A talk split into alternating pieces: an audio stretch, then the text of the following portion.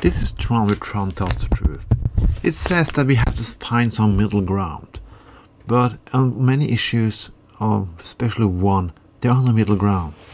Before we had a discussion about climate change, we had climate deniers and people who are in between and people who believed it. But now, they're not in between anymore. The science is in. You either believe what you see and the science says, or you're just a fucking asshole who don't belong in politics. Oh, Tron, why are you so skeptic? You cannot say that. That's taking away people's freedom to speech. Yes, you can be. You're right to be an asshole. You're you're right to talk like an asshole, but you don't have the right to stay, let other people think that your assholeness is fucking smart and it's a general opinion based on facts. Because it's, those saying there are no objective facts. They're not objective anything. There is. Science is. You have seen the wildfires in California. Yes, have some in southern Europe. We had summers like we never had in Norway. Even here in Bergen, who is the most fucking wettest city in Scandinavia. The science and the evidence and the proof is in there.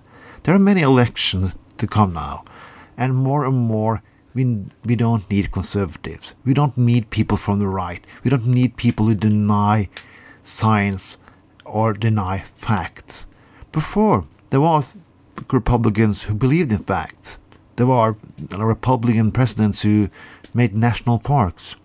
Even Nixon, yeah, even Nixon was very aware of the, the air pollution and pollution to water. Now, there are no those anymore.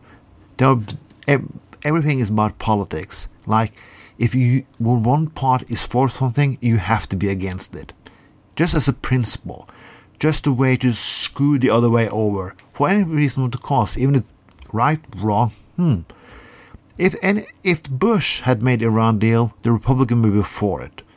Bush didn't, Obama did, so that, that therefore they had to be against it. Let's go to climate um, climate science too. Democrats fight for it, so everybody else has to be against. Well, if you are for it, believe in science, you're a smart person and you have to fight in politics. You have to fight for politicians who want to fight in new solutions, who dare to take chances and risks to get things to a better track. If you're not, well, you're just an asshole. I hope you stay away from politics. Because you're gonna, you're assholes. You will get better off of this too.